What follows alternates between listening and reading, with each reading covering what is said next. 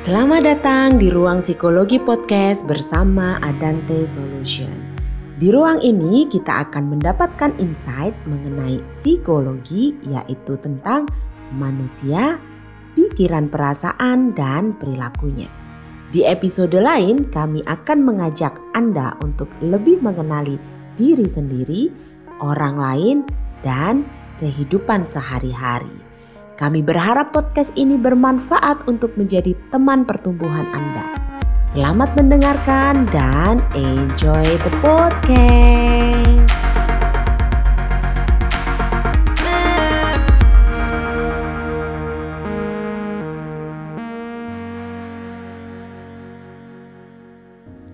Oke, halo, halo semuanya. Nah, ketemu lagi di Instagram live-nya Adante yaitu di Talk with Adante bersama aku Gatia Siariani. Nah, malam ini kita mau membahas tentang sesuatu yang sangat seru nih teman-teman gitu ya. Uh, teman-teman boleh ikutin kita gitu ya karena uh, sayang banget nih kalau misalkan teman-teman uh, tidak apa mendengarkan ini karena malam ini kita mau membahas tentang bagaimana serunya gitu ya e, mengasuh anak dalam keluarga besar. Nah, penasaran kan gitu ya? Oke, apa kabar semuanya? Nah, um, kali ini kita juga nggak sendirian nih aku tetap aku nggak sendirian karena hari ini aku ditemani oleh salah satu orang yang fenomenal gitu ya namanya Mbak Dian Kinayung. Beliau adalah salah satu dosen di UAD Universitas, Universitas uh, Ahmad Dahlan Yogyakarta. Nah beliau juga adalah salah satu dos, uh, dosen yang sangat hits tentunya gitu ya. Beliau juga punya dua orang anak dua orang anak kembar gitu Nah, kita mulai aja yuk. Kita uh, udah nggak sabar lagi nih mau uh, gabung sama Mbak Kinai untuk pengen tahu gimana sih ceritanya kok bisa uh, mengasuh anak dengan keluarga besar itu jadi seru gitu ya. Kita coba undang beliau sebentar. Oke. Okay.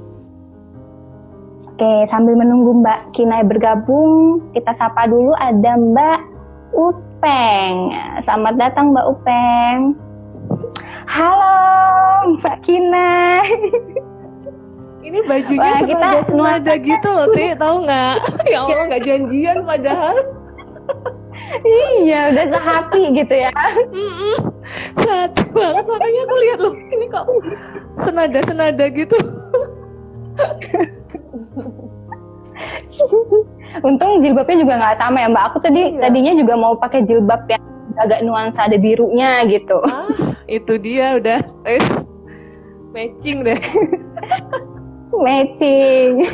Apa kabar Mbak? Alhamdulillah sehat. Tia apa kabar sehat, Tia? Ya. Alhamdulillah masih sehat, masih waras. Ah, iya bener wes. Yang penting itu masih waras sudah wes. Sehat mental ya. Iya betul banget. Nah Mbak, tadi aku udah uh, sedikit nih memperkenalkan tentang Mbak Kinai gitu ya. Um, aslinya sih Mbak Dian Kinayung, tapi nama nama panggungnya Mbak Kina ya Mbak ya? Iya iya iya, boleh lah boleh. Karena Dian udah terlalu banyak, bahkan di UAD itu Betul. ada tiga Dian sama aku. Di psikologi hmm. UAD aja ada tiga Dian. Di UAD, wah lebih banyak lagi Diannya. Jadi ya. makanya terang gitu ya, karena banyak Diannya. banget. Oke, nah tadi aku juga udah bilang nih ke pemirsa sekalian gitu ya, kita akan membahas tentang bagaimana serunya mengasuh anak di dalam keluarga besar. Gitu. Nah, tadi sih aku uh, waktu uh, bikin judul ini tentang serunya uh, mengasuh anak di keluarga besar karena gini Mbak, nggak semuanya gitu ya. Um, orang yang mengasuh anak dalam keluarga besar itu merasa seru. Gitu. Mm-mm, jadi yang yang aku beberapa itu tuh mereka malah ribetnya gitu ya. Terus juga aduh pusing nih gimana sih kok mengasuh anak sama kakek neneknya tuh ribet gitu ya. Bahkan ada yang berpikir seribu kali gitu ya untuk memutuskan gimana ya caranya aku supaya aku keluar dari rumah gitu. Gitu ya ya ya nah Iya, iya, iya. okay, gitu. Okay. jadi mungkin um, boleh cerita nih kondisinya Mbak Kinai sekarang itu seperti apa sih? Oke, okay. sebenarnya menarik sih akhirnya. Ah, ah, aku memilih ini gitu ya, karena ini pilihan secara sadar gitu. Oh, oke oke oke. Gitu. Jadi sebenarnya kalau dirunut lagi ke belakang, anakku kembar gitu ya. Jadi aku tuh pindah ke rumah ikut bapak ibuku lagi itu ya sejak melahirkan. Nah, oh, oke. Okay. Sebelum melahirkan itu aku ikut bapak ibu mertua di Jogja. Nah, terus hmm. lahiran kan, lahirannya di Jogja. Pulang lahiran hmm. langsung ke sini, deh. Itu karena oh. waktu itu ceritanya gini. Aku kan mikirnya gini, anak kembar nih. Kayaknya nggak hmm. mungkin kan kalau nggak ada yang bantu ngerawat. Ya udah deh siapa yang dapat babysitter duluan deh gitu. Nah, ajaibnya hmm. ibuku yang di Wonosari dapat dong babysitter malah gitu yang di Jogja itu karena posisinya gini aku tuh kan maju nih HPL-nya tuh kan maju jadi uh, surprise hmm. itu dia lahirannya tuh agak surprise gitu malam itu aku batuk pecah ketuban paginya sesar dah gitu jadi cepet oh, banget uh, nggak pakai acara apa uh, menikmati sebelum enggak jadi ya udah tiba-tiba lahir aja gitu. Padahal itu oh, sekitar okay. dua atau tiga minggu sebelum HPL ya terus akhirnya aku tuh pindahan hmm. ke Wonosari. Itu tuh ya dari rumah sakit sampai sekarang coba. Jadi aku tuh masih punya barang-barang di rumah ibuku mertua jadi bukan yang di prepare terus oh kamu nanti nggak gitu sebenarnya. Tapi udah oh. akhirnya oh, siapa yang dapat babysitter duluan di rumah? Akhirnya aku pindahlah ke sini sampai sekarang anakku yang tujuh tahun gitu. Ya nah di rumah aku kan punya adik cowok nih dua. Pas posisi lahiran itu mereka tuh masih yang sering di rumah kan. Jadi adikku yang satunya itu masih kuliah eh, kok kuliah sih atau masih SMA kelas 3 ya? Aku lupa ya. Uh, pokoknya ada adikku yang adikku yang paling bontot terus ada lagi yang uh, adikku yang nomor dua itu posisinya seingatku tuh waktu itu ini udah 7 tahun ya jadi adikku tuh sempat ada transisi keluar dari satu tempat kerja dan pindah ke tempat kerja yang sekarang itu jedanya di rumah tuh agak lama di setahunan atau satu setengah tahun okay. jadi tuh hmm. yang berkontribusi mengasuh anakku tuh banyak tangan gitu banyak kepala gitu yang ikut berkontribusi hmm. mengasuh kembar ini gitu ya tahun pertama hmm. itu ganti ayatnya sampai enam kali lumayan heroik gitu ya maksudnya tuh sempat babysitter itu hanya bertahan setahun habis babysitter bertahan ganti lagi ada yang bantuin ngerawat terus nggak entah lagi gitu ya pokoknya ada kondisi-kondisi gitu kan gitu kan terus ya. Jadi istilahnya apa? Kalau ngomongin tentang uh, ya secara sadar aku memilih ini karena posisinya suamiku juga kerjanya pindah-pindah gitu. Jadi ya okay. uh, makanya aku milih ya udahlah tinggal sama bapak ibu di rumah gitu ya. Karena support system yang paling besar itu ya mereka gitu. Nah itu suamiku kerjanya pindah-pindah. Dan kalau aku ikut itu nggak memungkinkan gitu ya. Akhirnya suamiku bilang ya udahlah bunda di Jogja aja. Nanti insya Allah ayah yang akan nyusul pindah ke Jogja gitu ya. Ya walaupun sekarang uh. sudah hampir insya Allah 9 tahun. Ya kami menikah ya belum pindah-pindah Jogja juga gitu jadi mohon doanya ya dulu tuh bayangannya tuh ya udah empat tahun lima tahun bisa pindah Jogja tapi Allah berkehendak lain gitu nah, makanya memang hmm. kalau ngomongin soal pilihan ya secara sadar memilih untuk bareng-bareng sama orang tua gitu ya jadi hmm. uh, prosesnya gitu, terus kalau di awal-awal ya apa ya sebenarnya penyesuaiannya itu ya penyesuaian punya anak terus ada banyak kepala tadi sih yang menantang jadi benar kalau tadi nah itu dia tuh. bilang aduh ngasuh anak bareng. Nah ya wajar gitu. Hmm. uh, di awal-awal hmm. juga ngerasain gitu kok. Gitu sih. Hmm, wajar ya mbak ya. hmm, jadi kenapa terus memilih kondisi itu ya karena uh, posisinya ya tadi suami pindah-pindah terus anak dua langsung gitu ya. Dan memang nggak ada gen kembar gitu loh Tik. jadi aku sendiri surprise hmm. punya anak kembar itu gitu. Keluarga tuh juga surprise punya anak kembar karena kalau dirunut secara genetik tuh nggak ada yang kembar. Nah jadi secara psikologis tuh aku juga butuh apa butuh supporting system gitu yang istilahnya aduh ini sekali langsung buat cowok-cowok gitu kan. Jadi itu anugerah tapi di satu sisi juga aku yakin aku supporting system deh buat jadiin anak-anak ini gitu. Akhirnya memilih tinggal bersama tinggal lagi bersama ayah ibu gitu ya setelah kuliah kan ngekos nih S1 S2 ngekos nikah ngekos. Jadi secara sadar akhirnya memutuskan untuk yaudah di rumah kompromi sama suami yaudah pokoknya bunda di Jogja. Jadi memang ada kesepakatan. Gitu sih. Jadi bukan Hmm, ya mau nggak mau tinggal di rumah enggak gitu gitu. Jadi memang secara Oh. sadar kayaknya tuh ini ya jadi menurut aku rasanya gini ketika aku memang sudah memilih itu jadi merasa lebih siap aja sih beda dengan kalau Hmm, hmm, hmm. kalau enggak.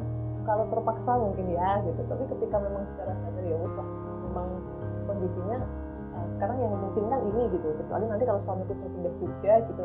Ya tetap sih punya gitu. Angan-angan nanti eh, ya istilahnya kayak keluarga pada umumnya lah gitu ya. Terus itu ya tetap Mm-mm. ada angan-angan ke sana gitu. Sampai insya Allah kami juga akan sampai ke sana gitu. Tapi sekarang kondisinya begini ya jalanin dulu lah ya gitu iya, iya, iya. Jadi memilih secara sadar itu em, otomatis jadi lebih siap gitu ya mbak secara mentalnya juga. Mm, mm, mm. Wah seru banget nih. Nah em, kalau tadi kan kenapa memilih untuk memutuskan tinggal bersama orang tua karena tadi ya karena memilih bahwa support sistemnya juga em, yang paling memungkinkan itu ya bersama orang tua gitu ya. Se- berarti berapa tahun nih mbak udah tinggal bersama orang tua? Ya dalam mengasuh anak? seumuran anakku ya anakku kan Maret kemarin tujuh tahun. Jadi ya sudah tujuh tahun lebih. Maret April Mei lah tujuh tahun dua bulan tujuh tahun tiga bulan lah kami bersama-sama Hmm. gitu ya. Mengasuh ya produknya tuh anakku tuh anakku tuh produk banyak tangan tuh jadi ya itu produk Produk banyak tangan. iya bener banyak tangan hati kepala aku rasanya sih gitu banget ya jadi kombinasi antara tangan kepala hati dari orang banyak itu tuh ya tuh produk itu anakku tuh Iya iya iya iya. iya. Oke, nah sebelumnya mungkin kita mau sapa-sapa dulu yang gabung ada Mbak Anis, Bu Anis ya. Bu Anis, halo Bu Anis, ada Bu Ari juga. Wah luar biasa. Ya ampun ada aja Ada Mbak Aini. ternyata di sini baru nge. ini omnya ini nanti sebagai saksi ya gitu ya. Jadi Wah, ini omnya juga lagi join. Ini ada sepupuku juga ini ya. Ini Mbak ini bukan penonton bayaran ya Mbak? Uh, ini bukan penonton bayaran, insya Allah kayaknya kalau sepupuku ini kayaknya juga lagi prepare nih ya, gitu ya, gitu kayaknya. Ah. Bentar lagi dapat momongan, terus tinggal dengan orang tua ini kayaknya mungkin nih. Nah, jadi bekal. nih, jadi. Bu Nah, jadi ini juga bukan ini ya. Bukan hanya untuk orang yang sudah menikah, udah punya anak, tapi eh, lebih baik tadi dipersiapkan sebelum-sebelumnya gitu ya Mbak ya. Gitu. Oke. Nah, em, selama tujuh tahunan ini nih Mbak tinggal bersama orang tua, mengasuh anak gitu ya. Em, apa sih? gitu ya, bersama Sama ART gitu ya, bersama sekarang yang ngasih sama buleku gitu lah, wes pokoknya oke kok, banyak banyak. Makanya aku bilangnya keluarga. Dan Mbak. Kine itu juga ini ya. Mbak Kine juga eh, apa namanya kerjanya juga jauh gitu, misalnya dari eh, ke Jogja dulu, gitu. dari Jogja, gitu. Oke, nah em, apa namanya senengnya pada saat kita mengasuh anak dalam keluarga besar dengan banyak tangan tuh apa sih Mbak yang Mbak Kine rasakan gitu? Oke, Uh, kalau senengnya ya tadi kita punya supporting system ya, jadi istilahnya kayak semacam kalau jadi gini, kenapa aku juga memilih uh, tinggal di sini dan memilih ngelaju ya, kalau ngelaju itu kan. PP, jadi aku tuh dari rumah ke kampus itu kan naik bis ya, naik bis kemudian motorku itu di uh, apa istilahnya itu ada tempat penitipan motor lah untuk para pengelaju di Jawa Wonosari itu kan banyak yang pengelaju jadi aku tuh makan waktu tuh perjalanan tuh udah satu setengah jam sendiri tuh paling cepet. Paling lama dua jam sayangin itu aku berangkat gitu. PP kan berarti empat jam sendiri kan waktuku habis di jalan. Tapi aku tuh pulang tenang gitu. Karena uh, anak-anakku tuh di rumah tuh aman gitu loh. Aku tuh mempercayakan mereka pada orang-orang yang memang sama aku dan jadi nyaman. Jadi kalaupun istilahnya nggak apa-apa lah aku capek gitu aku mikirnya itu nggak apa-apa lah aku capek tapi itu nyaman gitu. Anak-anak di rumah juga udah ada yang pegang dan yang pegang itu memang ya orang kepercayaan gitu loh. Jadi aku seneng gitu. Jadi ya memutuskan tadi ya diawali dengan memutuskan tadi gitu lah. Terus hmm, kalau ngomongin soal serunya itu ya karena gini kalau yang aku alami ya uh, pola asuhnya ayah ibuku tuh beda sama model zaman sekarang nah terus waktu itu saya kayak ada adikku gitu gitu adikku kan juga punya pola-pola sendiri gitu kan. Terus kemudian misalnya ada ART yang value-nya kan juga berbeda atau membiasakan ART untuk bisa uh, ikut mengasuh anak-anak itu kan juga butuh penyesuaian gitu. Maka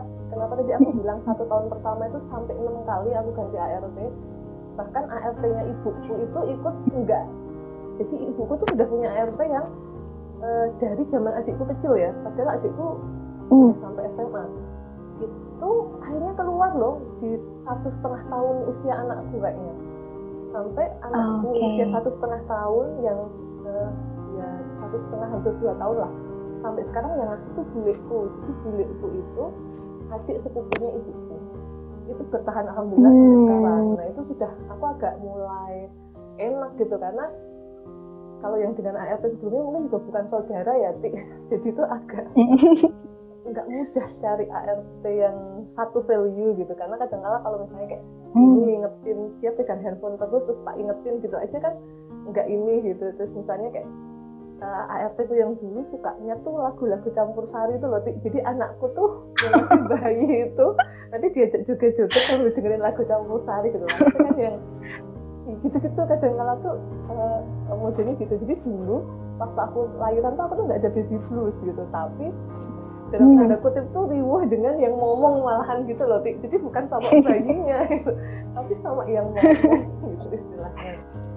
Cuma biasanya kan begitu. Nah, terus hmm. kalau yang dari pengalamanku sendiri tuh uh, kuncinya ya ketika ada banyak kepala itu tetap uh, kita mesti bisa menghargai ya kalau orang Jawa bilang itu ngembong ya ngembong semuanya. Gitu. nah alhamdulillah nih kalau ngomongin soal ngembong itu mungkin karena dari dulu aku dibilang lumayan bisa ngomong orang gitu loh jadi kayak ngomong itu dalam bahasa Jawa ya dalam bahasa Indonesia nya apa ya? Halo audiens ada yang bisa membantu.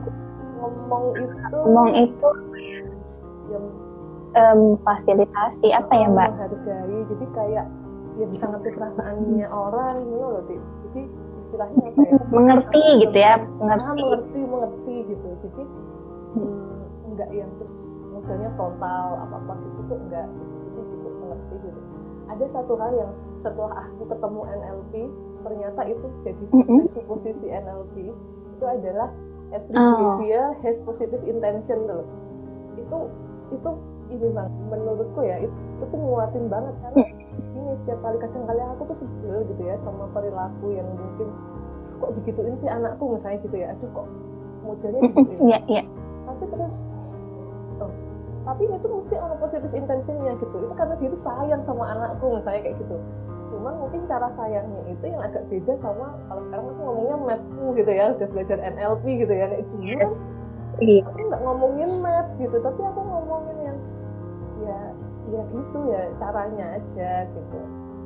Karena tuh aku kalau aku ngeliat jadi anakku tuh kan memang perbannya tuh lebih dulu ya. Anakku tuh jadi sudah mulai kayak semacam bunda tuh nggak apa-apa aku kalau dimarahin bunda tapi kan nanti sama akunya enggak. Jadi kalau nggak dibeliin bundanya tidak dibeliin akunya kan gitu. Jadi biasanya kalau pola banyak orang tuh gitu. Terus nanti sama bunda nggak boleh sama yang itu boleh. Nah itu yang itu klasik sebenarnya. Jadi banyak yang terus ini boleh itu ini ini ini gitu gitu. Nah jadi memang perlu kompak.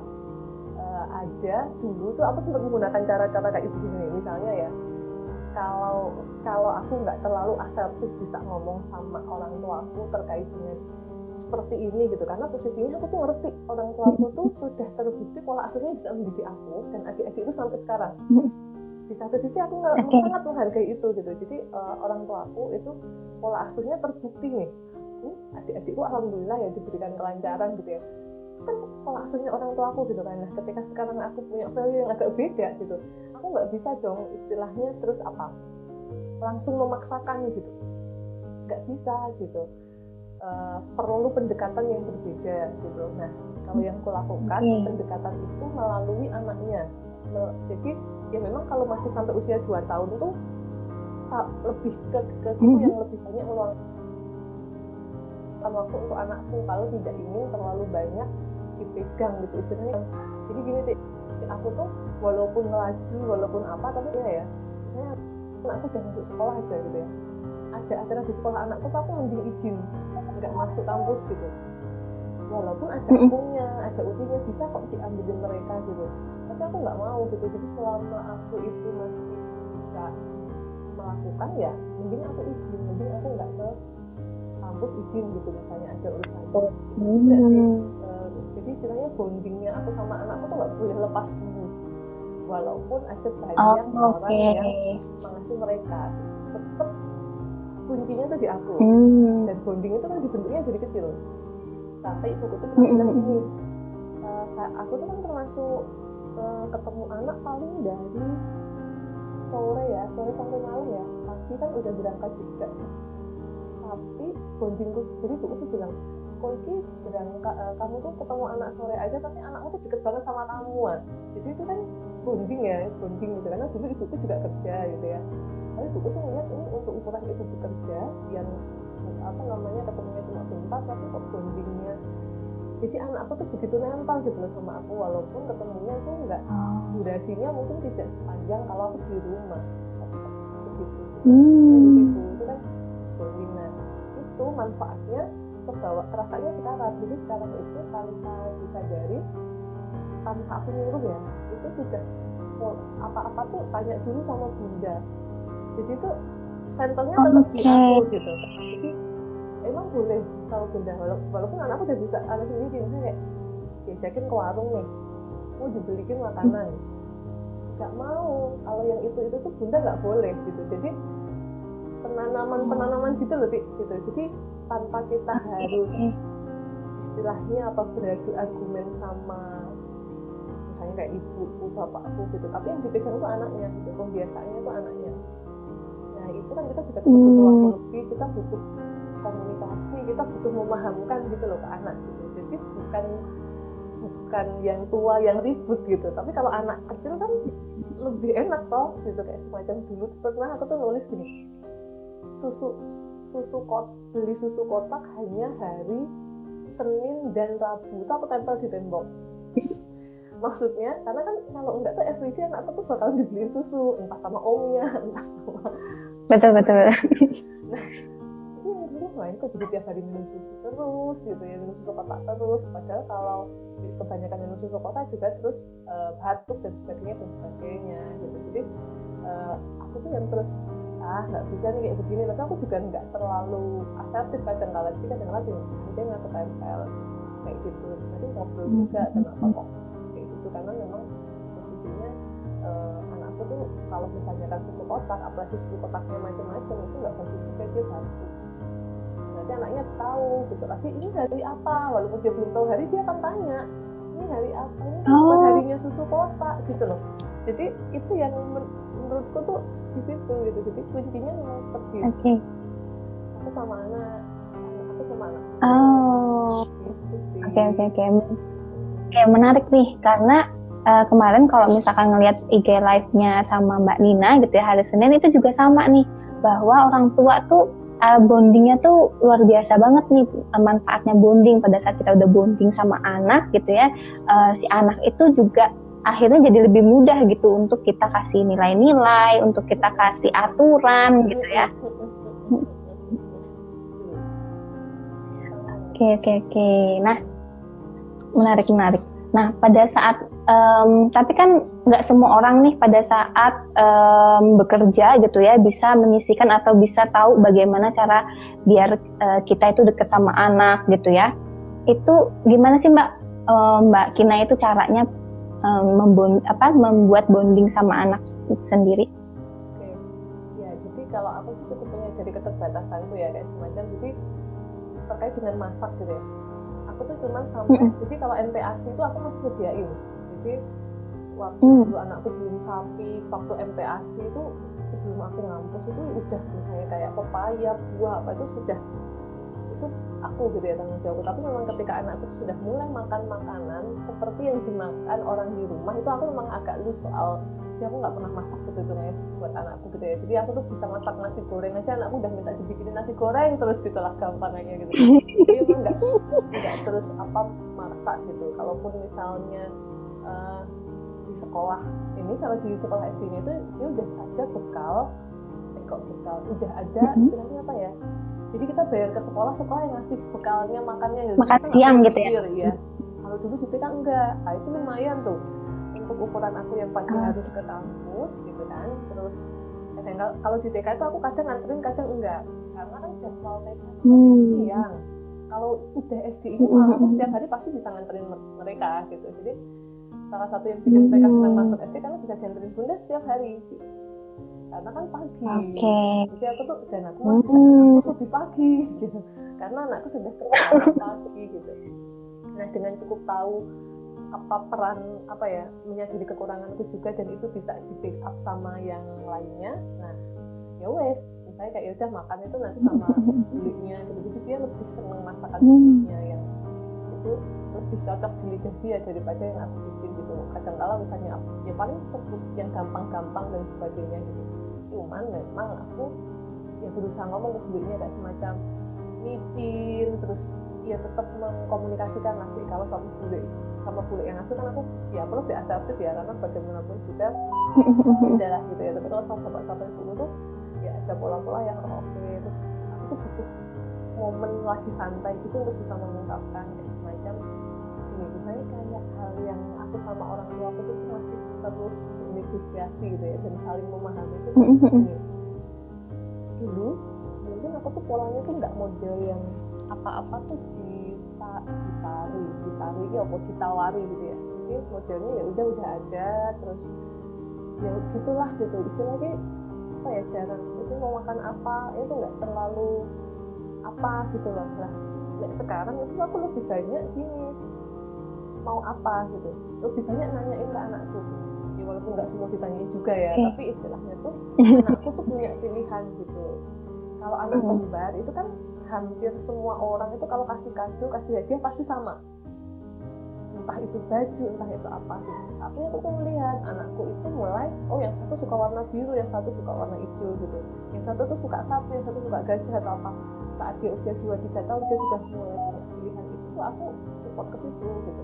Oke bajunya dibelinya sama tapi kan makainya bisa beda gitu gitu jadi mulai istilahnya apa ya? Aku juga tidak terus istilahnya harus semuanya aku gitulah ya gitu. Ini capek sendiri kan gitu. Jadi bisa membagi waktu ya. Kadang-kadang aku tuh jealous ketika mungkin anakku lebih ke apa yang disebut buliknya bukan aku. Ya ada rasa jealous itu ada gitu. Gitu sih gitu. Tapi ya itu tadi. Uh, diambil aja deh fokusnya di apa deh? Yang jelas kalau aku pegang punya pembentukan sikap perilaku sama itu pokoknya untuk di aku gitu. Jadi kayak misalnya kayak sampai sekarang nih ini kan anakku tujuh tahun ya. Orang rumah tuh udah gini kalau yang ngasih tahu aku anakku tuh pasti nurut ya kalau yang lainnya tuh anakku tuh istilahnya apa? Negosiasi gitu ya. Terus ya kan anakku tuh ngomongnya ini banget. Ini negosiasi apa? Tapi kalau udah kalau yang ngomong bundanya tuh udah.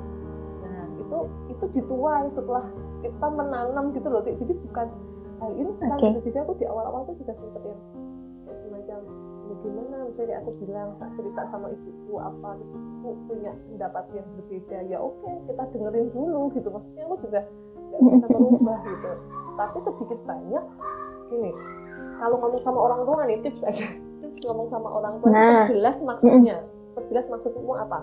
Kamu tuh mau curhat okay. kamu tuh mau negor atau mau apa gitu. Karena kalau itu tuh nyampur itu tuh jadinya tuh nggak enak gitu jadi misalnya okay. aku tuh lebih sering kan mengungkapkan isi hati. Misalnya kayak aku itu tersinggung kalau dibilang begitu gitu. Aku itu kurang suka kalau begini. Nah aku tuh gitu gitu. Walaupun mungkin kayak sok nangis gitu ya ada drama gitu ya karena berat gitu ya hmm. udah nahan aku tuh kok selalu dibilang begini ya gitu. Sampein tapi fokusnya ke situ. Aku cuma mau bilang aku nggak suka kalau digituin udah. Nggak usah ditambah-tambahin situ harusnya gimana? Atau itu nah itu udah beda cerita gitu. Jadi kalau ngomong sama orang tua itu tujuanmu ngomong apa? Itu diperjelas dulu jangan ah. ngeblu gitu. Karena kalau ngeblu orang tua jadi malah mungkin sensitif terus jadi kayak apa aku disalahin mungkin ya. Tapi di sisi lain aku juga mau benerin kalau salah nggak dibenerin terus gimana gitu. Ya kan makanya tadi every behavior has positive intention deh itu yang setelah aku kenal NLP ternyata itu presuposisi NLP loh gitu. Ya karena orang tua aku tuh care sama aku gitu. Dan orang tua aku tuh lebih pengalaman sama aku makanya mungkin ngomong terus gitu. Kayak rodok cerewet gitu. Dan akunya juga rasa kok dicerewetin ya udah sampai gede punya anak gitu. Itu bagaimana mau komunikasikan jadi kalau aku tipsnya okay. gitu. Kalau kamu sama orang tua yang lebih tua tuh fokus ngomongnya mau apa dulu? Fokusnya mau memberikan feedback mau menyampaikan isi hati atau mau hmm, apa namanya berdiskusi untuk menghasilkan sesuatu kalau aku agak memilah itu hmm. kalau posisinya itu memang aku hanya ingin menyampaikan isi hati ya uh, lebih ke hmm. arah ngomongnya ke situ jadi gak nyalain gitu ya aku nyadari kalau aku tuh ini ini tapi aku sakit kalau diginiin gitu kalau aku biasanya dari nyadari aku tuh memang begini begini tapi kalau menjadi bulan itu kan aku sakit gitu. Itu kalau yang ngomongin isi hati oh, sama okay. ya tapi kalau mau diskusi itu biasanya aku mulai dengan mungkin ya tapi memang ketoknya nek anak zaman sekarang itu untuk bisa tangguh itu memang uh, kita tuh perlu kasih dia udah biarin jatuh ya udah gitu. Nanti kalau jatuh terus kenapa? eh, kenapa?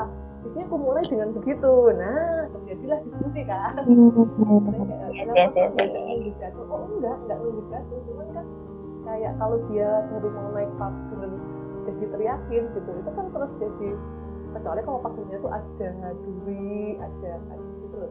Nah, kemudian nah kadang-kala kalau ibuku sekarang gini udah mending ibu nggak lihat gitu. Jadi kalau anakku sudah mulai ekstrim gitu duluan putihnya masuk. Maka nyaman gitu. Oke oke oke oke oke. gitu. Yang pegang lihat tuh dari jauh. Ini anaknya udah mulai jadi dia naikin sepeda naik pagar. Terus berdua udah nangkring di pagar turunnya lompat gitu. Jadi kan ya wajar kalau was was gitu kan. Rasanya ingin teriak gitu kan ya ya udah. Jadi itu nggak lihat jadi usinya masuk gitu jadi uh, pola-pola gitu Oke, jadi yang pertama harus tahu dulu tujuannya apa gitu ya. Fokusnya ini mau ke mana nih? Ma kalau mau ngomong sama orang tua gitu ya, orang tua kita mau sekedar uh, menyampaikan rasa hati kita kah atau mau tentang apa menetapkan value kah gitu ya mengajak diskusi gitu ya ya Oke. Okay. Biar nggak nyampur gitu. Karena kalau udah nyampur di kepala gitu kan jadi kita tuh terbawa. Karena aku di awal-awal gitu jadi kayak nggak asaktif tapi aku sendiri juga capek gitu gitu terus jadi malah jadi salah kan gitu. Karena kan menyamakan kebiasaan juga gitu. Ya tantangannya di situ sih juga menyamakan kebiasaan itu juga. Jadi kayak ya mungkin aku nggak bisa sama persis dengan kebiasaannya orang tua aku orang tua aku nggak bisa sama persis dengan kebiasaanku gitu kan. Tapi kami sama-sama menyeimbangkan aja. gitu. Kalau ibuku sih hmm. ya karena kita bakalan lama bareng-bareng ya saatnya kita saling ngerti. Gitu jadi saling ya. itu saling gitu. Jangan hanya aku terus atau beliau mereka terus gitu tapi ada kata saling gitu. Ya aku juga nggak bisa dong istilahnya kayak dablek dablek banget gitu ya. Ayah itu mungkin juga nggak bisa terlalu idealis banget. Jadi modelnya kita saling saling gitu kan ya. Kalau itu saling saling gitu okay, akhirnya seimbang gitu ya pak itu proses sih maksudku nggak terus oh iya besok seimbang terus besok nggak seimbang uh, besok terus seimbang terus ya enggak. Bagian ini seimbang nanti ada lagi nih ya nggak seimbang ini lagi gitu. Jalanin aja lah gitu. Hmm. maksudku kayak ya, inget lebih diinget manfaatnya gitu lebih diinget deh. Coba sekarang kalau kamu mau kayak gitu kalau pas kamu kerja coba sekarang. Siapa yang mau ikutan ngerawat jadi kalau aku sih melihatnya gitu sih lebih banyak hal positifnya lebih banyak aku lebih banyak terima kasihnya juga ke mereka gitu ya. Aku jadi effortnya lebih termasuk akhirnya aku memilih belajar NLP itu juga bagian dari mengelola gitu. Karena kan dengan aku di rumah ada anak ada orang tua itu kan sudah empat orang. Yang ngomong anak itu sudah lima waktu masih ada dua. Artinya kan aku tuh juga mengakomodir kebutuhan tujuh orang ini kan gitu. Maka kalau ingat ya waktu aku di coaching Mbak Anda tentang nyetir mobil itu kenapa begitu? Ya elah terus deh Mbak kamu tuh nyetir mobil aja kok kayaknya bawa ke mana-mana. Aku tuh ingat komentarnya siapa ya waktu habis selesai coaching tuh ya, ya Allah untuk menjadi seorang ibu tuh nggak harus bisa nyetir mobil. Kenapa so emosional banget gitu ya nyetir mobil aja gitu. Buat aku yang tadi mengakomodir beberapa orang juga di rumah nyetir mobil tuh berharga banget gitu karena begitu nyetir mobil orang tua aku juga tambah umur gitu kan masuk ke mana-mana ya naik motor terus ada aku anak gede di rumah gitu loh jadi itu sangat. Dan ketika alhamdulillah sekarang diberikan keberanian dan bisa gitu ya nyatu mobil ya ya bisa nganterin ibuku aja tuh rasanya ya Allah gitu. Ibuku gitu bisa belanja bareng berdua sama ibu. Jadi kayak ya itulah Oke, nah um, sebelum kan nggak semua orang nih langsung bisa, oh ya kita harus menyeimbangkan keluarga nih gitu ya. Apa sih Mbak yang perlu kita siapkan gitu ya dari dalam diri kita untuk bisa berkomunikasi dengan orang-orang uh, keluarga besar kita gitu? Ya, oke, kalau aku lebih ke apa ya? Hmm, itu gini, kan sebenarnya tuh nanyanya ke diri sih, kalau aku nanya dulu ke diri gitu, mm -hmm. karena laki-laki mm -hmm. kalau kita itu enggak nanya ke diri maksudnya enggak segala sesuatunya itu gini kalau aku yang aku rasain pribadi ya sebelum akhirnya aku tuh mau menyiapkan diri untuk bisa menerima orang lain itu aku ngomong ke diri kalau misalnya kamu itu mau fokus ke maunya kamu nggak mau nggak mau mendengarkan orang kira-kira tuh kamu siap nggak hidup sendiri tanpa mereka gitu. Jadi sebenarnya ya tadi keluar dari rumah gitu loh. Jadi nimbang-nimbang itunya gitu nimbang-nimbang itunya. Kalau hmm. kamu dengan kondisimu dengan beberapa hal itu yang paling memungkinkan masih tetap stay di situ ya apa yang bisa dilakukan untuk survive gitu. Bukan menuntut mereka untuk memahami kamu tapi apa yang bisa kamu lakukan untuk memahami mereka. Kalau aku tuh itu gitu. Memang untuk bisa istilahnya apa ya yang kalau sekarangnya aku lebih ya karena udah tujuh tahun ya sih gitu. Dulu tuh aku tahun kedua tuh juga sempat loh teman psikolog dosenku yang senior psikolog itu sampai ya Allah mbak Sinai datanglah ke rumah gitu dia pernah gitu udah biar biar bisa keluar semua apa gitu. Ya, karena tadi aku bilang ART dengan segala gayanya. Yang ART ART itu tuh nggak masuk di ininya ibuku jadi ibuku tuh punya standar sendiri kan karena ibuku tuh kalau punya ART itu selalu lama sih nggak kayak aku yang setahun okay. ganti enam kali jadi ibuku bisa banget mendidik ART jadi hmm. aku dua tahun pertama aku tuh berat sebenarnya. Gitu. Jadi makanya aku tuh nggak sempet ngalamin blues ya. Karena kan aku nggak sempet mikirin diriku gitu. Aku langsung mikirnya ya ini anakku tetap survive jadi nggak sempet. Terus ngerasain anak aku cemas. Aku enggak enggak sempet. Mikirin gitu. Aja kalau orang-orang bilang ya ampun mbak Kini kamu anak dua langsung itu enggak gitu aku tuh baby blues setelah anakku tuh bisa ngeyel. Maksudnya bisa bantah kalau tidak ngobrol aku mulai ya gitu. Tapi pas mereka masih bayi dua tahun itu yang bikin aku agak ini tuh ya uh, istilahnya apa? Lingkungan gitu. Jadi kayak oh ya Allah aku tuh hmm. menyiapkan diri memahami sekian orang dengan karakter yang berbeda dan mau mengajak mereka berkolaborasi buat ngasuh anakku gitu. Kalau aku semena-mena nggak pasti aku bisa bersama-sama ngasuh anak gitu. Karena ini akan mungkin ini akan lama gitu. Dulu aku kan gitu ini akan lama gitu. Jadi itu yang membuatku ini jadi nggak menuntut orang lain gitu nggak menuntut orang lain untuk bisa pastiin aku.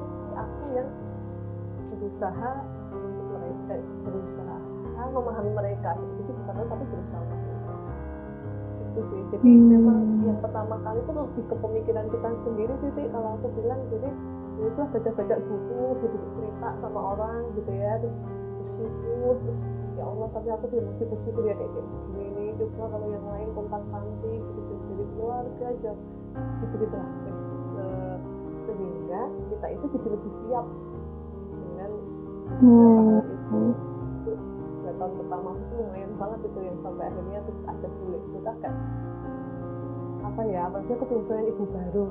Jauh dari suami terus kembar. Aku tuh pernah ada di momen anakku jadi aku tuh di kampus tuh anakku itu kan jadi kan aku tuh selalu meninggal jadi pumping pumping dan jadi nggak bisa aku tuh kayak hmm. ibu-ibu lain yang terus di kulkasnya itu aslinya banyak gitu. Ya banyak sebelum bisa di stop yang satunya kan udah butuh minum juga gitu jadi kan nggak selalu tandem langsung oh. kan kalau kalau pembantu kan nggak harus selalu tandem langsung jadi kadang-kadang yang satunya lagi minum yang satunya ngambil stok di kulkas nah aku tuh kalau mau berangkat ke kampus biasanya di rumah tuh ada sekitar 6 sampai 10 sampai hmm. aku tuh lagi di kampus di telepon sama ART itu tuh bilang stok asinya habis anakku tuh nggak mau dikasih jadi dulu tuh ada susu yang su support yang apa kandungannya mirip sama asi itu loh yang ya aku tuh dibawain dari rumah sakit waktu itu karena anakku jualan bawain kata ART itu anakku nggak mau minum itu hmm, aku pikiranku kan akhirnya aku udah langsung pulang aja aja lah masih satu setengah jam pulang. Terus nggak mikirin kampus terus kita langsung pulang terus wah dia tuh kayak minumnya tuh kayak jaga. Wah aku kalau inget waktu itu dia itu ya itu namanya dua tahun pertama tuh lumayan penyesuaian dengan rumah penyesuaian dengan peran baru penyesuaian dengan ditambah lagi dua tahun pertama tuh anak itu sempat ke rumah sakit operasi hernia. Jadi aku setahun tuh empat kali masuk rumah sakit okay. karena mereka masing-masing harus operasi ada anak yang belum disapih gitu ya. Jadi wah aku tuh ya istilahnya apa ya kalau uh, orang lihat gitu ya gitu ya mungkin kan aku nggak cerita aja gitu tapi maksudnya tuh ada beberapa yeah. Iya. kondisi yang uh, untuk bisa menjadi seperti sekarang ini tuh ya lika-likunya tuh menjalani banyak hal yang ya akhirnya terus makanya terus ya, ya aku yakin lah selama kita nggak nuntut orang lain tuh akan lebih enak gitu karena kalau kita nuntut orang lain tambah stres gitu lah intinya ya wes lah aku yang belajar aku yang ini gitu belajar mengungkapkan apa yang tak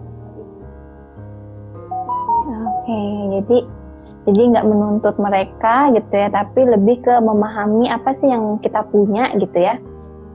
Lalu belajar lagi belajar lagi gitu ya. Terus apalagi mbak yang perlu kita uh, persiapkan gitu yang kita harus miliki sebelum uh, memasuki pengasuhan itu ya komunikasi. Komunikasi itu perlu banget gitu. Karena kalau kita nggak komunikasi ya nggak tahu gitu. Uh, kadang-kadang kan kita mikir gini masa itu dia nggak tahu maksudku? Gitu kan. Ini orang orang saya ayah ibuku tuh ya musuh nggak tahu aku? Tapi nggak selalu uh. kayak gitu gitu loh. Jadi jangan terus uh. istilahnya apa sih cenayang ya?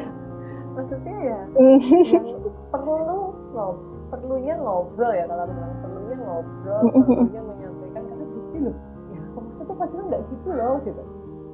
Uh, pembiasaan ngomong maaf itu aku ngerasa ah. satu hal yang menurutku aku ngerasa oh ini pola baru di rumah gitu. Jadi anakku uh, anakku aku maaf terima kasih itu alhamdulillah tuh kebentuk banget gitu. Istilahnya kalau yang kalau terima kasih ya anakku tuh tak ambil minum aja bilang terima kasih gitu. Anakku belum bisa cepok BAT mm dicepokin aku aja sih bilang terima kasih bunda gitu itu udah otomatis gitu. Masuk maaf. Kayak dulu kan yang lebih tua tuh gengsi ya kalau maaf gitu. Ya, waktu aku kecil tuh aku nggak biasa yang oh apa maaf itu enggak tapi kalau yang anakku ini ini sangat jadi aku tuh nggak segan-segan minta maaf sama anakku gitu. ketika aku salah hmm. gitu. Ya Allah nak okay. maaf itu tuh nggak sengaja. Dia udah tantrum nangis tantrum karena apa gitu pindah mainan atau apa. Itu tuh nggak sengaja gitu gitu atau misalnya aku marah sama dia habis marah gitu terus nggak gitu nggak maaf ya. Kamu tahu nggak tadi bunda marah tuh kenapa? Gitu terus sampai akhirnya terus dia tahu polanya gitu. Saya kayak apa? Ya kalau ngaji itu jangan malam-malam toh kak. Nanti bunda itu marah. Gitu jadi dia itu sudah udah tahu polanya gitu. Nanti habis dengan azan dulu dia udah datang nyodorin. Jadi aku lagi ngajar masih di sini. Jadi dia masuk karena dengan azan dulu kan udah nyodorin ini ikro ikro nah, karena kan azan dulu itu kan jamnya kan dulu berapa bulan yang lalu eh, 12 kurang sekian gitu-gitu nah kan. Tapi kan patokannya azan zuhur gitu loh bukan jam karena mereka belum bisa ini jam. Kemarin aku lagi rapat tiba-tiba dia datang ngadurin ikro karena udah azan zuhur gitu. Apa? Uh, kata ini maaf itu aku sudah kali gitu nah itu jadi akunnya ya maaf ya Ubi gitu. Maaf ya aku gitu. Maaf ya Ubi. Terima kasih. Hmm. arah itu membangun pola-pola yang ya bareng-bareng gitu. Nah, aku nggak nyangka awalnya yang sampai akhirnya alhamdulillah ya bisa ini gitu ya. Walaupun memang aku ngerti mungkin orang tua aku juga ngomong aku banget gitu ya. Tapi juga dengan segala kekurangan aku aku juga ngerasa sebagai anak juga masih belum sempurna gitu. Kan sekarang aku juga merasa bersalah gitu ya. Allah orang tua aku kapan ikut kerepotan ngomong anak itu musuhnya di usia sekian tuh mereka tuh itu malah di ini juga aku juga kadang ngomong juga rasa seperti itu jadi apa ya yang bisa aku lakukan untuk kita aku juga punya kontribusi buat mereka gitu karena mereka kan juga sudah hmm. anak tuh dan sebagainya gitu itu gitu ya bagaimana memahami mereka juga gitu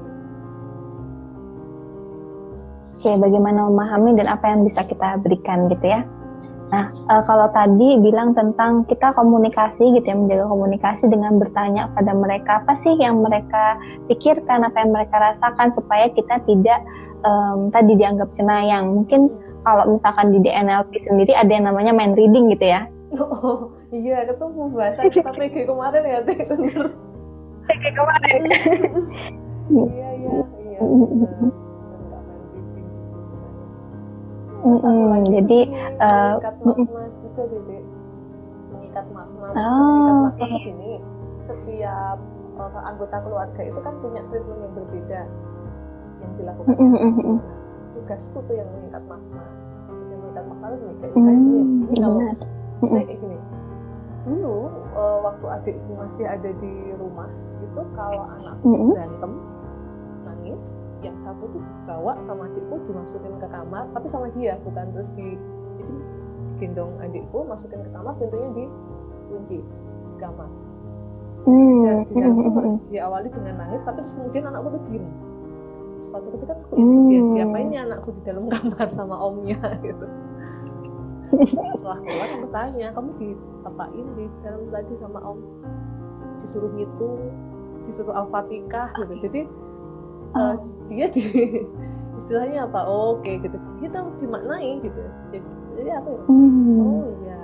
Malah jadi ini kan. Nanti aku kalau nangis nanti aku dibawa masuk lagi ke kamar. Ya nanti kamu di kamar siapa kamu jadi sekarang hafal jadi maknanya gitu. Terus misalnya kayak dimarahin sama akomnya atau utinya hmm. oke.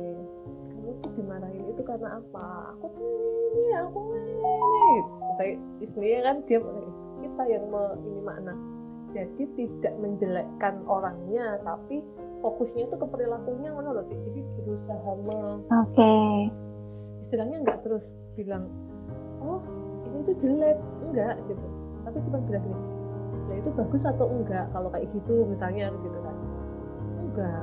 Nah yang gitu itu tuh yang bagus apa yang enggak? Ya yang bagus. Ya udah kalau kayak gitu nggak usah sendiri gitu. Saya kayak apa hmm. gitu. Kayak omnya jajan. Nah jajanan omnya kan beda sama jajanan dia. Itu jajannya om gitu. Kamu kalau makan kayak gitu hmm. gimana gitu. Jadi istilahnya tuh enggak terus nyalahin uh, tuh lihat tuh ommu tuh enggak gitu modelnya enggak gitu. Modelnya enggak terus tuh omnya tuh oh, kamu makannya jangan kayak om tau enggak gitu tapi lebih ke istilahnya jadi bukan ke personnya tapi ke perilakunya aja kadang-kadang aku bilang sama okay. ibu kamu kalau makan itu jangan di depannya ponakanmu ponakanmu makan itu langsung batuk. Kamu kan makan kayak gitu mah udah tahan misalnya kayak gitu ya. Sampaikan jadi uh, saya nggak menjelekan ya sama kayaknya kita kalau ngasih feedback itu kan juga nggak boleh menjelekan personnya ya gitu. Tapi kita fokusnya ke perilakunya. Nah aku tuh berusaha sama anakku tuh kasih memberi maknanya itu di situ gitu masuk kalau misalnya ada temennya laporan dia laporan bunda temanku tuh gini gini gini loh. Tinggal ditanya kalau kayak gitu tuh baik atau enggak? Ya enggak atau itu kan enggak sopan. Tuh ya kalau enggak sopan ditiru atau enggak? Enggak. Ya kalau enggak besok kamu bilangin. Masa bilangin tuh iya loh. Ya yang penting kamu udah jadi apa ya okay. uh, eh, di rumah pun juga gitu. Termasuk misalnya enggak ayah tuh kok gini? Gitu. Nah kayak gitu bagus atau enggak gitu gitu. Jadi bukan terus lah ya tuh enggak gitu aku polanya tapi fokus ke perilakunya yang mana yang bagus mana yang enggak. Itu yang aku ingin ke mereka. Hmm. jadi, jadi dia tahu gitu oh kalau ini tuh ya ada perilaku jeleknya ya bundanya pun juga ada perilaku jeleknya makanya jangan ditiru gitu. Saya kayak baca nih kasur kan. Kadang kala kan terus aku terus sambil ini bunda tuh baca kok sambil tidur. Ya kalau diingetin ya langsung wes kalau aku gitu aja sih. oh, iya. Oke. Okay. Jadi aku tuh enggak ya terus apa ya enggak yang terus kalau diingetin anakku enggak mau tuh enggak karena aku pengennya kalau aku ngingetin anakku anakku ya mau kalau dia ngingetin aku dan karena aku ya enggak dikunci jadi sudah mulai anaknya ada tante Halo, siapa namanya mbak? Ini yang mana nih? Oh, berdua. Nah, ini dia si kembarnya. Bentar lagi. Belum, lah ini sudah mukanya malah ketutupan tuh nggak kelihatan. Ya, aku ngerti. Iya. Nah, tunggu di luar dulu ya. Atau kalau mau tunggu di sini boleh? Takut apa? Oh, takut tuyul. Aku tuyul. iya kan sebentar aja gini. Nggak ada, nggak ada ininya, nggak ada kuotanya. Kan kalau YouTube Kan pakai kok nggak- kuota. Kan kok ngerjain kan dipakai kuota. Seru banget kayaknya. Betul, pakai kuota kalau ngerjain. Ini kuotanya lagi dipakai bunda nih kuotanya. Ya, ibu di luar ya. Halo. Ya boleh di sini. Kita ngobrol lagi sama tante. Tante Andra. bukan? Sebentar lagi. Sebentar. Tante Anda. Ini tante Anda ya? Iya, Tante ya. Karena dia barusan punya tante baru kan adikku baru nikah kan. Nah, jadi dia Ah. kalau tante tuh tante Andra itu apa istrinya gitu. Halo, halo. Oh. Jadi dia punya tante baru, excited sama tante baru. Kemarin tante dikasih hadiah ya. So sweet banget ternyata ya punya anak cowok tuh. Dikasih hadiah, dikasih amplop ya, terus tulisannya apa? Tulisannya apa nak kemarin? Untuk tante terus ditempel di depan pintu coba ya Allah. apa sweet Oh, luar biasa. So sweet banget. gitu. Terima kasih tante apa gitu. Ya. Aduh, so sweet banget ya. Mungkin itu juga eh, dampak dari tadi ya eh, mudah untuk apa membiasakan diri untuk berterima kasih gitu ya, Ya. meminta maaf Betul. sehingga mereka jadi lebih ekspresif gitu. Betul, itu itu jadi misalnya kayak oh tantenya kalau nginep di sini dia diajakin mainan monopoli, terus dia dibeliin kamu dibeliin apa sama tante Andrea nak kemarin? Oh dibeliin susu terus eh yang online itu apa dipesenin apa itu? Ah iya dibeliin Lego gitu-gitu.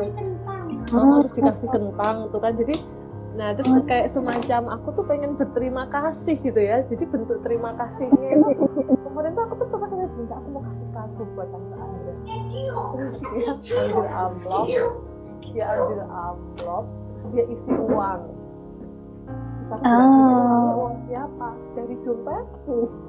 Jadi dia jadi dia tuh punya uang itu loh kalau lebaran terus di dompetnya itu jadi emang duit dia gitu beberapa dimasukin ke laptop Oh, dikasih surat gitu aduh. Lain kali kita kenalan ya, siapa tahu tante yang ini dapat amplop juga.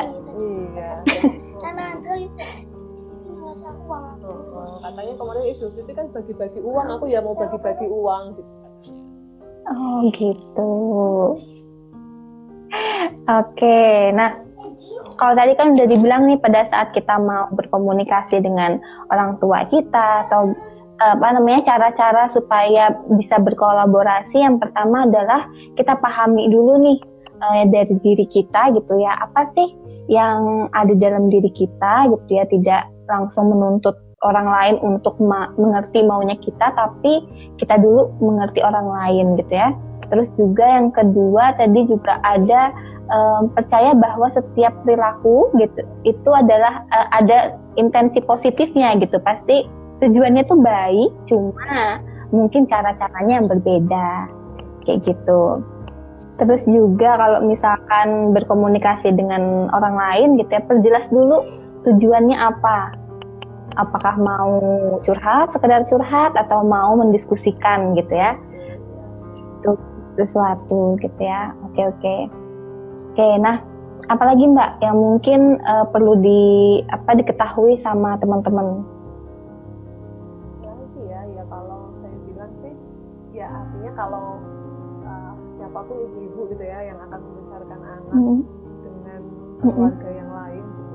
nggak cuma berdua sama suami perlu dicatat adalah ya siapkan dirimu bahwa membesarkan dua anakmu gitu tapi kamu juga menumbuhkan lingkungan gitu itu dan itu pasti menantang Oke. udah itu siap siap Hmm. siapin mental aja di situ gitu kalau misalnya nggak siap dengan hmm, wah ya nanti berarti kan aku yang aku urus nggak cuma anakku nih gitu ada beberapa ya wes gitu uh, ya wes jangan memilih untuk tinggal bersama orang yang lebih banyak itu juga kalau masih punya pilihan okay. ya tapi kan ada ya mungkin kalau aku kadang-kadang kalau aku lihat gini yo nek gue kan pemilih mbak.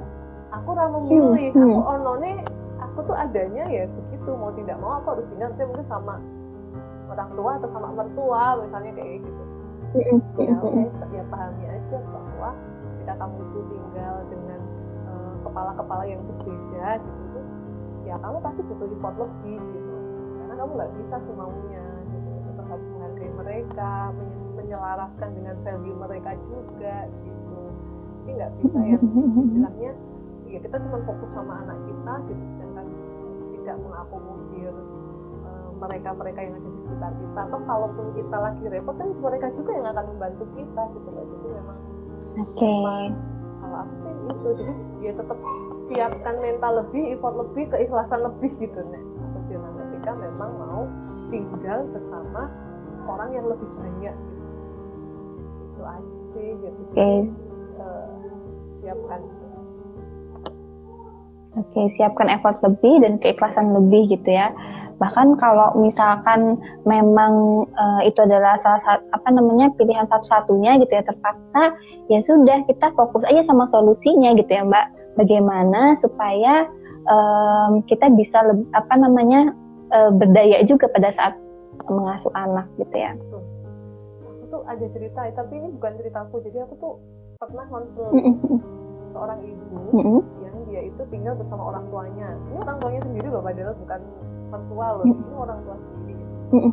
jadi posisinya si ibu ini tuh dalam tanda kutip yang sudah capek gitu lelah karena dia ngerasa ketika dia sudah punya anak pun orang tuanya itu masih memperlakukan dia seperti sebelum dia punya anak dan kalau dari ceritanya -hmm. banget orang tuanya itu sih jadi orang tuanya itu memang model orang zaman dulu yang biasa mukul yang biasa gitu loh sih bukan jadi bukan orang tua muda sekarang yang kalau orang tua muda sekarang tuh kan jarang ya ada orang tua mukul anaknya gitu kan enggak nah itu okay. tuh, jadi ini tuh si ibu ini tuh masih ngalamin pola itu gitu dan itu dilihat anaknya oh. jadi ibu itu sampai ada di fase okay.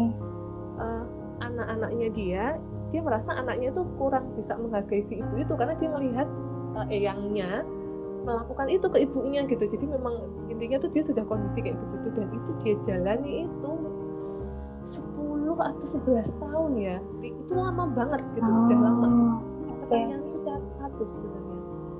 Bu apa yang membuat ibu bisa bertahan dalam kondisi seperti ini dan bertahan selama ini loh? Ya kan kalau yang lain ya wes pilih mungkin terus rumahnya. Tapi dia dia cuma bilang anaknya dia ngerasa uh, mungkin ada banyak ada banyak orang yang bisa ngurus anaknya tapi nggak ada yang bisa kasih cinta yang lebih dari yang dikasih ibunya itu buat anaknya itu ah. ternyata itu yang jadi kekuatan sehingga ibunya itu istilahnya mau diapa-apain lah sama sekitarnya ya benar gitu ya oke okay, mungkin mereka bisa ngurus anakku tapi mereka tuh nggak bisa kasih cinta yang lebih besar daripada cinta yang aku kasih ke anakku gitu. Jadi kan ternyata dia punya oh. yang gede. Jangan merinding nggak sih gitu. Jadi oke oke oke. seorang ibu gitu loh buat anaknya gitu. Itu enggak enggak terbendung gitu apa pun yang dilakukan anaknya. Terus mau orang lain bisa perfect gitu. Misalnya kayak oh orang lain bisa masakin anaknya lebih enak dari ibunya. Misalnya anak uh, orang lain tuh bisa istilahnya apa ya dandan yang bisa ngurusin. Mungkin ngurusin dari ibunya tapi dia bilang ya ada yang bisa ngasih cinta yang lebih besar dari cinta yang saya kasih. Oh, aduh luar biasa. Itu yang aku banget gitu dan ternyata setiap apa ya jadi, makanya aku tuh jadi kayak belajar ya setiap uh, orang yang membesarkan anaknya di keluarga kita tuh pasti punya value value sendiri gitu deh. Untuk dia bisa tetap menjalani itu bisa tetap uh, menjalani dan istilahnya apa ya ya menikmati masa-masa mengasuh anak bersama mereka gitu. Toh ketika pun dia tidak menikmati dia tuh punya value yang buat dia bertahan tadi bahwa orang lain bisa ngasuh anakku lebih dari aku tapi rasa cintaku pada anakku tuh nggak ada yang melebihi. Itu kan ketika ibu itu ngomong kayak gitu tuh aku tuh merinding banget gitu. Jadi itu yang betul betul betul ya Allah bu ini luar biasa. Karena dalam kondisi yang sangat tidak mengenakan untuk si ibu itu dia itu mampu bertahan dan setelah dia mengingat apa yang uh, selama ini jadi kekuatan tuh yang keluar tuh kalimat itu. Dan ibu tuh ibu itu tuh nangis juga pas ngomongin kalimat itu sih gitu. Jadi ya sebegitu besar cintanya dia ke anak itu jadi waktu konseling waktu waktu aku konseling itu aku dengerin ceritanya. Itu tuh masya allah banget.